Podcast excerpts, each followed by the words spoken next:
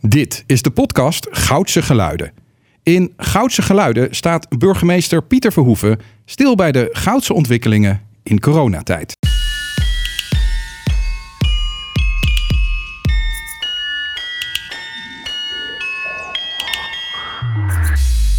Beste luisteraars, welkom bij deze nieuwe podcast Goudse Geluiden. En het is mijn grote eer om dit te mogen presenteren. Een speciale kerstuitzending met bijzondere gasten vandaag. Namelijk Lennart van Gastel en Lodewijk de Beukelaar. Welkom heren. Dankjewel. En dan met jou te beginnen, Lodewijk. Eh, wie ben je eigenlijk? Vertel eens wat meer over jezelf. Lodewijk de Beukelaar van het Groen Hart Ziekenhuis. Ja, nou de naam heb, heeft iedereen dan al. Ik ben eh, eh, voorzitter van de Raad van Bestuur van het Groen Hart Ziekenhuis sinds iets meer dan twee jaar. Dus ik uh, was een halfjaartje aan het werk. was net uh, wat ingewerkt toen die coronacrisis uh, op ons afkwam. Maar je bent echt een ziekenhuisman, hè? Ik ben echt een ziekenhuisman. Ik werk vanaf 1992 in de, in de zorg. 25 jaar, bijna 30 jaar dus. 25 jaar in ziekenhuizen. En vijf jaar een paar andere uitstapjes, maar wel in de zorg. Gaan we naar Lennart van Gastel. De, de luisteraars die jou niet zouden kunnen kennen. Ze zijn er misschien. Wie ben je? Wie ben ik? nou, ik ben in de eerste plaats een ondernemer uh, die toevallig werkt in de horeca. Um, onder andere. En, um, uh, en dat doen wij met een aantal uh, verschillende bedrijven. Zoals? En heel erg gouden georiënteerd. begonnen ooit bij het Museumcafé. op de mooie binnenplaats van het museum. Gouda. toen de lichtfabriek, zes jaar geleden erbij. En afgelopen zomer het Relais Chateau Weeshuis Gouda mogen openen. Na een traject van vier jaar. Complete kerstboom aan horecazaken bijna. Ja, ja, ja, dat valt er mee. Maar het zijn uh, mooie Allemaal zaken. Gaan we het zo over hebben. Maar even terug naar Lodewijk. Waarom ben je eigenlijk de zorg ingegaan?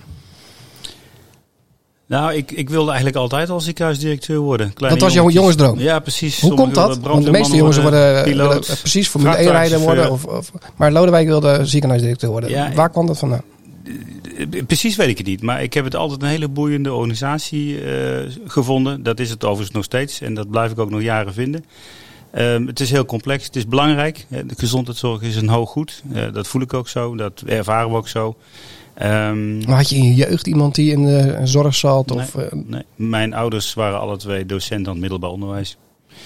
Maar toch een oriëntatie op het ziekenhuis, daar ben je ja. nu directeur. Ja. Hoeveel mensen werken bij het Groenhart ziekenhuis? Oh, meer dan 2000. Ongeveer 22, 2300. En dan nog de vrijwilligers en de specialisten. Dus bij elkaar kleine 2600 mensen. Ja, en ook niet alleen voor Gouda, maar het is echt een regio ziekenhuis. Ja, voor het Groenhart. Dus, dus wat, dus wat is zeg maar jullie verzorgingsgebied? Nou, dat is natuurlijk Gouda om te beginnen. Um, maar dat strekt tot en met Woerden, uh, naar het oosten toe. En tot en met Zuidplas, Nieuwekerk aan de IJssel in het, uh, uh, in het westen. Kijk aan. En, en uh, hoeveel mensen heb jij normaal gesproken pre-corona? Ja, dat is natuurlijk een beetje ingewikkeld vragen. Of afgelopen zomer, als het min of meer weer een beetje open is. Hoeveel mensen heb je dan rondlopen in de diverse horeca-aangelegenheden die je hebt, Lennart? Ongeveer 150. Ja, dus over verschillende locaties natuurlijk. Ja, ja vier, vijf locaties. En een mix tussen vaste mensen uiteraard en, en jongere oproepkrachten. Wat vind jij nou mooi aan Gouda? Oeh, ja. Nou, eigenlijk uh, samenvattend vind ik. Uh, ik woon ook midden in het centrum. En het, het, het, het, het dorpse gevoel binnen deze stad. En, en dat vind ik. Ik hou heel erg bij. Het is overzichtelijk. het is heel overzichtelijk. Maar het stadse gevoel heb je ook. maar tegelijkertijd de, de gezelligheid van het dorp. ja, vind ik ook heel erg prettig. En vertrouw. En, en geeft mij een, een, een, een veilig gevoel. Ja, dus die combinatie. Ja. Ja, dankjewel, Lodewijk. Uh, je hebt diverse ziekenhuizen meegemaakt. Uh, woont zelfs uh, in het Zeeuwse. Wat valt jou op aan, aan Gouda, als je het zou mogen karakteriseren? Nou, het is een prachtig stadje. Ik heb het helaas door die coronacrisis nog niet goed... Stadje, hè? Stad. Het is een prachtige... Zelfbewuste het is een centrumgemeente. Maar dat toch? Centrumgemeente. Kern van het Groene Hart. Helemaal gelijk, Pieter. maar het is heel gezellig. Het is sfeervol. Het is overzichtelijk. Uh, maar het heeft ook de schaal dat er van alles kan en gebeurt. En dat zie je ook. En uh, ja, dat geldt eigenlijk ook voor het ziekenhuis. Wij voelen ons echt uh, onderdeel van de stad, verbonden met de stad. En ook mensen die hier wonen, hè? dat valt mij op. Ja, artsen ja. die je tegenkomt bij de visboeren ja. enzovoort. Ja, ik denk 90% van de mensen die bij ons werken, die, die wonen in het Groene Hart. En veel daarvan ook echt in Gouda, in de stad Gouda. Um, en een heel klein beetje van, van daarbuiten. Dus het is echt een ziekenhuis van en voor de regio, absoluut. Kijk aan. Toch terug nu naar de uh, ja, barre momenten van vandaag. Want we leven in een ingewikkelde tijd. er is een nieuwe lockdown afgekondigd, een stevige lockdown afgelopen weekend. we zitten tegen de kerst aan, een kerst die je heel anders weer moet inrichten, zoals je misschien al willen hopen. Lennart, hoe kijk jij voor jezelf terug naar, nou ja, misschien wel de, de, de wervelwind aan maatregelen die op de horeca zich liet afstevenen? Ja, dat is heel wisselend. Omdat we inmiddels al twee jaar uh, onderweg zijn uh, met elkaar. En, uh, en, en heel menselijk is in die twee jaar ja, heb je allerlei verschillende momenten. Hè? En ik denk dat we dat denk ik in de hele maatschappij terugzien. Hè? Is in het begin is we doen het met elkaar. En, en, en daarna ga je langzaam over weer naar het individualisme, listische deel. Ja. en, en, en ja, de fase waar we nu in zitten is ja, een, een, bepaalde mate van desillusie wel, denk ik. Chagrijn, misschien? Ja, ja, ja, chagrijn ook. Gelatenheid, wat is het? Ja, ja, die combinatie. je bent ook voorzitter van de Koninklijke Horeca. Hè? Dus uh, de afdeling Gouden heeft allerlei uh, horeca-ondernemers die zich bij jullie hebben aangesloten. En, ja. en als je nu uh, nou ja, de thermometer erin zou steken bij je achterban, wat, wat zijn dan de woorden die naar boven komen? Nou ja, die jij net zegt. en, en dat komt met name doordat we met z'n allen hebben nu ervaren dat het idee wat we hadden, wat ons, wat ons verlossing zouden gaan brengen, ja, dat, dat, dat blijkt niet tot uiting te komen. Want maar we zitten in een nieuwe lockdown. Het vaccineren dat ja. heeft niet het effect wat je nee, had gedacht dat nee, En daar hebben we met z'n allen wel aan vastgehouden. En, en ja, nu zitten we weer hier en weer in deze situatie. En dat, dat, zie je terug. En de gelatenheid, wat dat met zich meebrengt, de teleurstelling. En denk, ja, hoe nu verder? Het voelt nu heel erg open eind. en dat is mijn eigen frustratie. Hè. Ik zei het gisteren nog. Ik merk gewoon heel erg aan mezelf dat ik dat je ja, dat je ja, radicaliseren, zei ik, geloof ik. Hè, eh, maar dat radicaliseren bedoel ik mee in je, in je, in je, in je, in je wil om te zorgen dat uiteindelijk er een. Ik, ik voel aan alles dat er, er moet nu een plan komen. Er moet wat gaan gebeuren. Want, want het is oneindig nu. En, en je hebt niet echt een helder perspectief meer. Nee, en, en, en dat is, eh, als, je, als, je, als één ding killing is voor een ondernemer, uh, uh, is dat er perspectief moet zijn. Wat het perspectief ook is. Hè? Uh, dat maakt niet. Ja, natuurlijk maakt dat. Het is de onzekerheid die knaagt. Ja. Dat is dat wat ik wil zeggen. En dan toch nog terug naar de ziekenhuisdirecteur. Op het ziekenhuis is natuurlijk ook veel afgekomen de afgelopen twee jaar in die pandemie. Die ja, ook een endemie lijkt te worden. Hè. Dit wordt een langjarig fenomeen. Um, hoe, hoe kijk jij er tegenaan? Hoe die laatste weken zich hebben ontwikkeld? Ja, eigenlijk niet verrassend voor mij, voor ons. En dat heeft te maken met het. ik denk dat in het ziekenhuis veel mensen zijn die al uh, wat langer um, het besef voelen, echt voelen, dat dat coronavirus gewoon niet weggaat. En dat blijft de komende jaren in verschillende varianten op ons afkomen. Heftig, minder heftig. Nu is een beetje de hoop dat dat het alleen maar minder heftiger wordt, maar het is nog maar de vraag. Um, en wat ik heel goed begrijp uh, van, van Lennart is die, die onzekerheid. Ik denk dat wij in Nederland heel veel goed hebben gedaan aan die uh, bestrijding van de, van de crisis. Maar dat ook een paar hele belangrijke onderwerpen voor verbetering vatbaar zijn. ja, daar hebben we elkaar het ook wel eens over gesproken. En dat je ook wel eens een keer tegen mij zei van ja, maar, maar, dit zijn eigenlijk te slappe maatregelen. Uh, hoe, hoe zit je er nu in? Nou, dat, vind ik nog steeds. En het gaat niet alleen om slappe maatregelen, maar het gaat ook om dat je voorspelbare maatregelen neemt. En als het voorspelbaar wordt, dan kan het best veel strakker zijn, zonder dat dat uh, heel veel problemen geeft. En dan denk ik toch maar even terug aan het Ierse model. Een pamflet, één A4'tje of een A3, waarop de, de status van de crisis is vermeld en de maatregelen die erbij horen. En iedereen weet, als, we, als, het, als er nog meer besmettingen ja, Een soort routekaart, maar daar horen we niemand meer over inmiddels precies, in Nederland. Precies, precies. En dat is heel erg jammer, denk ik. Ja, maar daar wil ik wel gelijk op, op uh, dat helemaal eens. Hè. Uh, uh, maar aanvullend daarop, en dat is wel wat ik heel expliciet vind, dat we, dat we tot nu toe is, is eigenlijk continu leidend geweest in alle keuzes die er gemaakt zijn, is de zorg. En dat is heel belangrijk, hè, want we willen het gecontroleerd houden. Maar ik heb wel een beetje het gevoel dat we een, een, een, een, een LP zijn die, die blijft hangen. Uh, want we, we hebben, ik hoor al heel lang hetzelfde verhaal. En, en hè, de keuzes die we ook moeten maken. En dat zit hem niet in de zorg, maar dat zit hem wel over andere ingewikkelde keuzes, uh, maatschappelijk niveau, hè, 2G, nou, et cetera. Hè, de democratie, wat is democratie? Is de, de meeste stemmen gelden volgens mij. Als je meerderheid hebt in de Kamer of, of in de Raad, hè, dan, dan, dan moet je het gaan uitvoeren. Ja, nou, nou wordt het interessant, want ik heb uh, helemaal niet het gevoel dat uh, de zorg het belangrijkste is. Want ik heb tegen jou wel eens gezegd, Pieter, zolang het bestrijden van de pandemie op landelijk niveau niet de eerste, de tweede of de derde prioriteit is, blijven we in dit gedoe zitten. En dat meen ik nog steeds. Leg eens even uit uh, wat je daarmee bedoelt.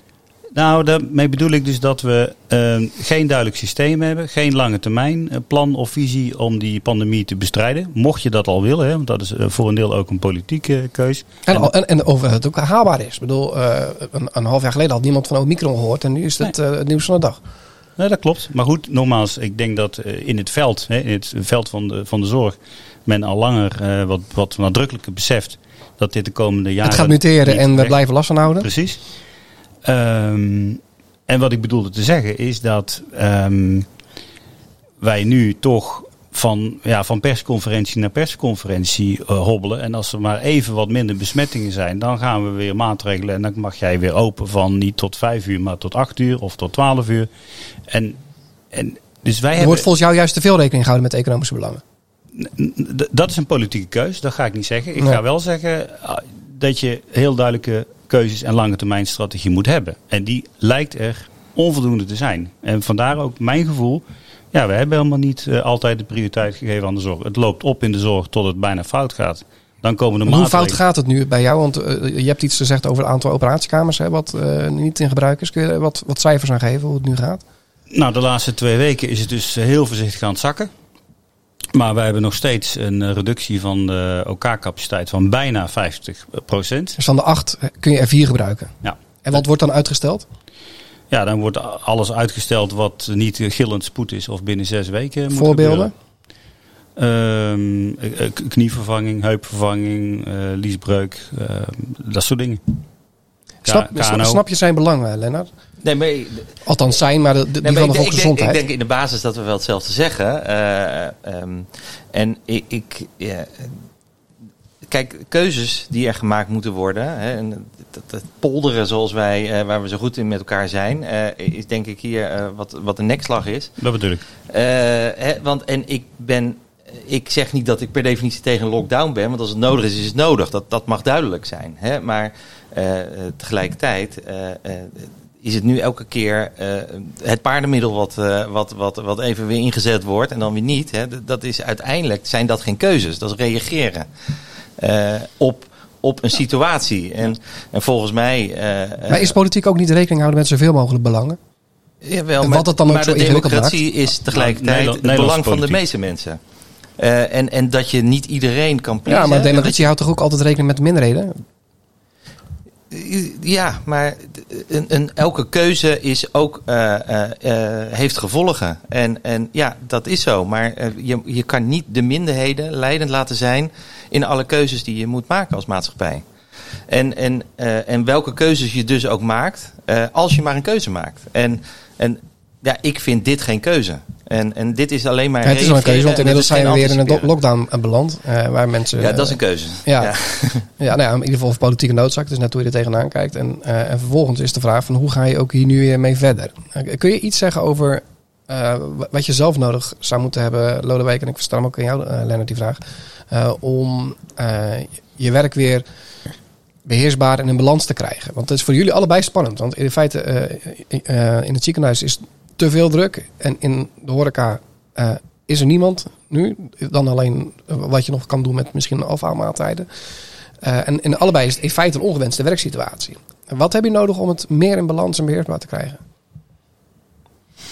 Ja, dat is een, een goede vraag. En die, maar die is heel moeilijk te beantwoorden. En dat heeft ook te maken met het feit dat wij niet in die glazen bol kunnen kijken wat de omvang is van. Uh... Ja, maar stel je zou een advies mogen geven aan uh, het nieuwe kabinet. Het staat straks op het bordes. En ze vragen aan uh, directeur De Beukelaar. Nou. Nou ja, kijk, ik denk dat wij, wij gaan natuurlijk als uh, ziekenhuissector Nederland in 2022 het laatste jaar in van het hoofdlijnakkoord, technisch woord. Maar dat is een afspraak tussen de partijen die gemaakt is om in vier jaar tijd de groei van de zorg in de ziekenhuizen van 0,8% is al bijna niks terug te brengen naar 0,0%. Ja, ik denk dat daar uh, de grens bereikt is. Hè? Dus als je kijkt naar wat de klinische druk is, dus de vraag naar bedden, alleen al door de ontwikkeling COVID, hebben we het nog niet over dat mensen ouder worden, er meer technieken zijn, et cetera, et cetera, en er gewoon meer mensen komen. Ja, dan geeft dat, dan, dan heb je het over 3, 4 procent hè, van, van wat de bedden kosten bij ons in het ziekenhuis dus als die omslag in dat denken niet komt, uh, ja, dan zullen er nog veel scherpere keuzes gemaakt moeten worden. Wie nog toegang heeft, in mijn geval dan tot de ziekenhuiszorg en wie ook niet. Ja, maar dan heb je dus dezelfde, dus, uh, uiteindelijk uh, een, een, stukje minderheid, waar Pieter het net over heeft, ja, die laat je dan ook weer leidend zijn in alle keuzes die je maakt. Nee hoor. Nee, ik, ik, maak die keuze niet. Ik, ik, ik vind alleen aan, ik vind het onze verantwoordelijkheid vanuit de zorg om aan te geven wat de consequentie is van een bepaalde politieke keuze. En ik ben het met jou eens. Maak een keuze. Werk dat goed uit. Zorg dat je het goed maar uitwerkt. En, hou, dan die, en hou die lijn dan ook vast. En die, die, die, die nadruk op keuzes maken, leggen jullie allebei. Maar mijn vraag is, wat is je oplossing? Hè? Dus zeg je dan, we hebben meer bedden nodig. We hebben uh, langjarig meer zorgpersoneel nodig. Mag ik, de, mag ik iets toevoegen? Kijk, ik, eh, als je het hebt over horeca. Uh, hoe ga je om met uh, een, een, een, rustige avond die opeens druk wordt? Hè? Dus de, je flexibiliteit. Hè? Daar moet je als, juist in de horeca, moet je daar altijd op voorbereid zijn. Wat doe je op Je flexibele schil en de capaciteit. Dat is in feite wat je zegt. Mooi woord. Uh, dus ah. Eh, werkt dat ook niet zo voor de, uh, voor, voor, voor, voor de zorg? Dat je oh, daar natuurlijk. veel meer op moet gaan focussen? Ja, natuurlijk. Maar wij hebben al wij hebben al jaren binnen het ziekenhuis een hele grote pool van medewerkers die we flexibel inzetten. Ja, maar we hebben het nu over corona. Dus, dus als we het hebben over IC-bedden, opschalen. Want we hebben opeens weer een uitbraak in, uh, in, in welke variant? dat klopt. Maar ik, toch even het begin. We hebben al, hè, want jij zegt uh, terecht overigens, zorg ervoor dat je personeel flexibel kunt zetten. Ja, dat is, dat is al jaren aan de gang. Hè. We hebben tientallen mensen die we flexibel kunnen inzetten op afdeling A of B als de zorg daar is.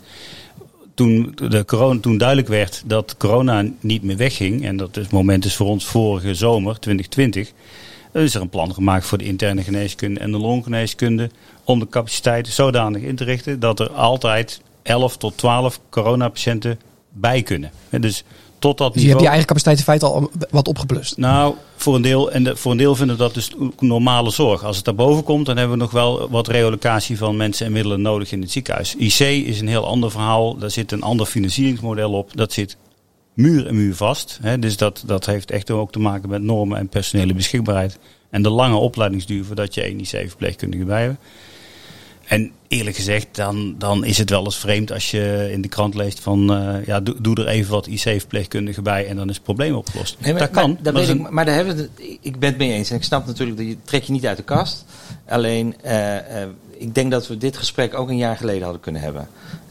ongeveer hetzelfde. Dus met andere woorden, hè, mhm. de, we hebben het over de lange termijn. Wat, Hoe voorkomen we nou dat, over, dat we over een jaar of over twee of over vijf nou, jaar... Hier weer zitten. Weer zitten. Nee, de kern gaf ik net aan. Zolang wij Kijk, wij, wij zijn nu de contracten aan het sluiten met de zorgverzekeraars voor volgend jaar. Ja.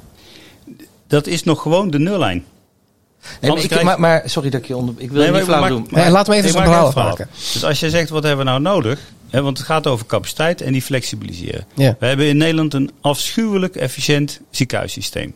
Daar zit heel weinig speelruimte in. In mensen. Je hebt meer lucht nodig. En in middelen. Meer ruimte. Als daar geen lucht komt, dan, dan kunnen we niet verder flexibiliseren en dan kunnen we niet verder groeien als gevolg van de vraag naar zorg.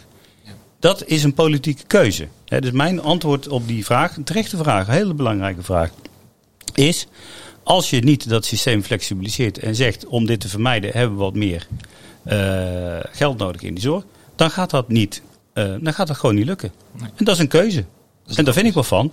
Maar uiteindelijk zal ik me bij die keuze zeker neerleggen. Ga je er het beste van maken hoe het er is. Zeker. Dan toch naar, ook eh, naar jou, uh, Lennart. Wat je bedoelde, zeker. Nee, maar ik wil nog wel... Kijk, het is ook zo. Alleen, uh, het is uiteindelijk een financiële keuze. En elke keuze, ja, elk gevolg waar we nu in zitten, is een keuze uit het verleden. Klopt. En, uh, en, en zolang we daar niet in gaan veranderen en, en kappen met dat, dat, dat, dat hè, polderen uh, en, en uitgesproken zijn. Het wordt wel heel ingewikkeld, Lennart, want, want, want polder is een soort collectieve mentaliteit sinds de middeleeuwen. Dus dat, dat is niet zomaar weg.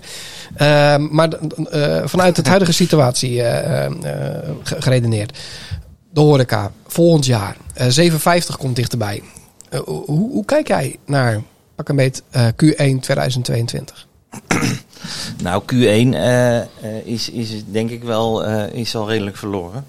Ehm, eh, 22, denk ik. Ja, ja.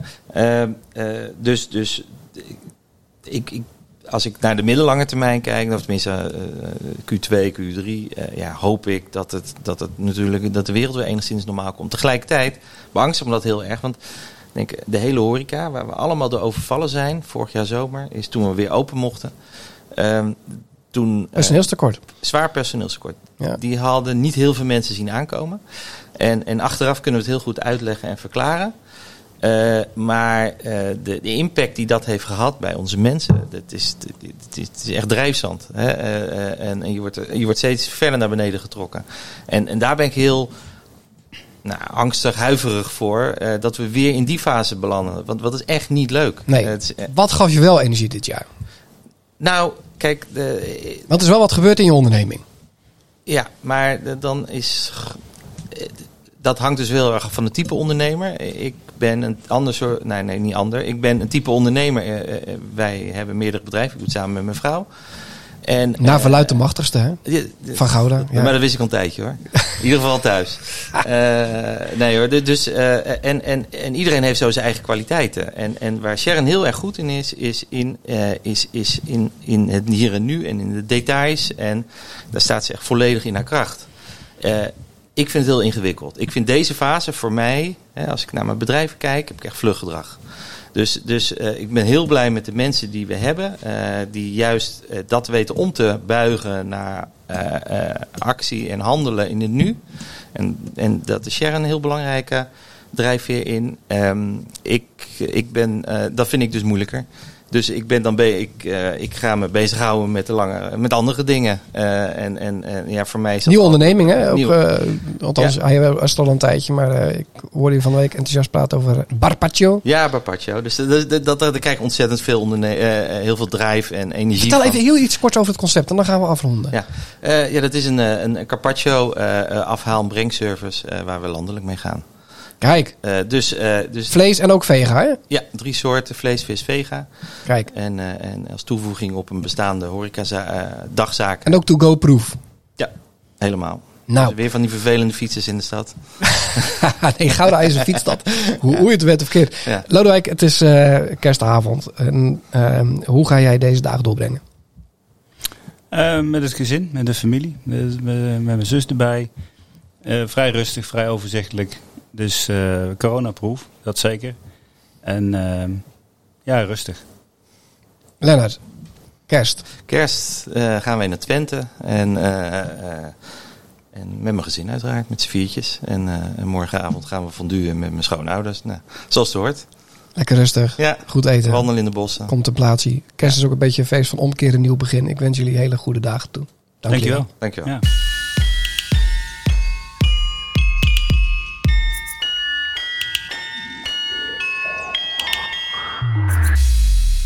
Goudse geluiden. Nu met een stukje Goudse cultuur. En hoe kan dat beter geschieden dan door onze one and only stadsdichter Peter Noordhoek? Peter, vertel even wie je bent. Ik ben dus inderdaad Peter Noordhoek en eh, ik ben ondernemer, onderzoeker en soms ook dichter. En je houdt van Gouda. En natuurlijk hou ik van Gouden. Ik Waarom? midden in het centrum van het Gouden. Mooier kan niet. Nee, maar wat maakt de stad voor jou zo bijzonder?